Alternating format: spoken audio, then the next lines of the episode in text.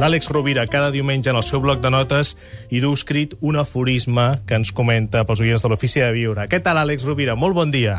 Molt bon dia, estimat Gaspar. Amb quina frase ens, ens vens avui? Mira, avui he triat dos aforismes. En lloc d'un, dos, però són molt breus, i tots dos fan referència a una qüestió molt important, que és la necessitat de fer coses per transformar la vida.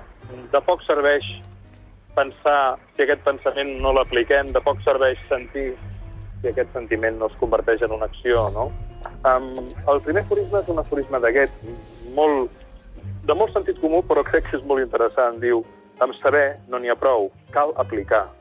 Amb voler no n'hi ha prou, cal fer.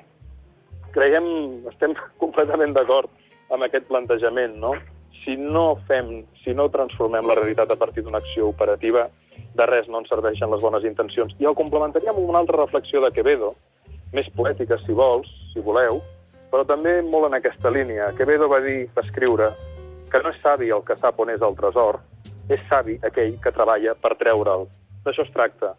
El coneixement que no és aplicat, la intel·ligència que no és pràctica, la saviesa que no ens ajuda a guarir els que pateixen o a, o a crear prosperitat on no n'hi ha, o a treballar per superar una crisi, no és saviesa. Es queda en el territori de l'especulació o, de la bones, o de les bones intencions. Per tant, cal fer per transformar la vida cal fer per transformar la vida. També és un altre aforisme. Àlex, de fet, tu, de tant en tant, sense ser-ne conscient, també en deixes anar algun d'aforisme, eh? de collita no, no, pròpia. No, no, arriben, no arriben a la categoria, molt menys. Però si més no, el bonic és poder estar els diumenges al matí una estona amb tots vosaltres doncs reflexionar una miqueta a partir de frases d'altres que sí que han barrinat de debò. Moltes gràcies, Àlex Rovira, que, que cap de setmana es troba a Madrid.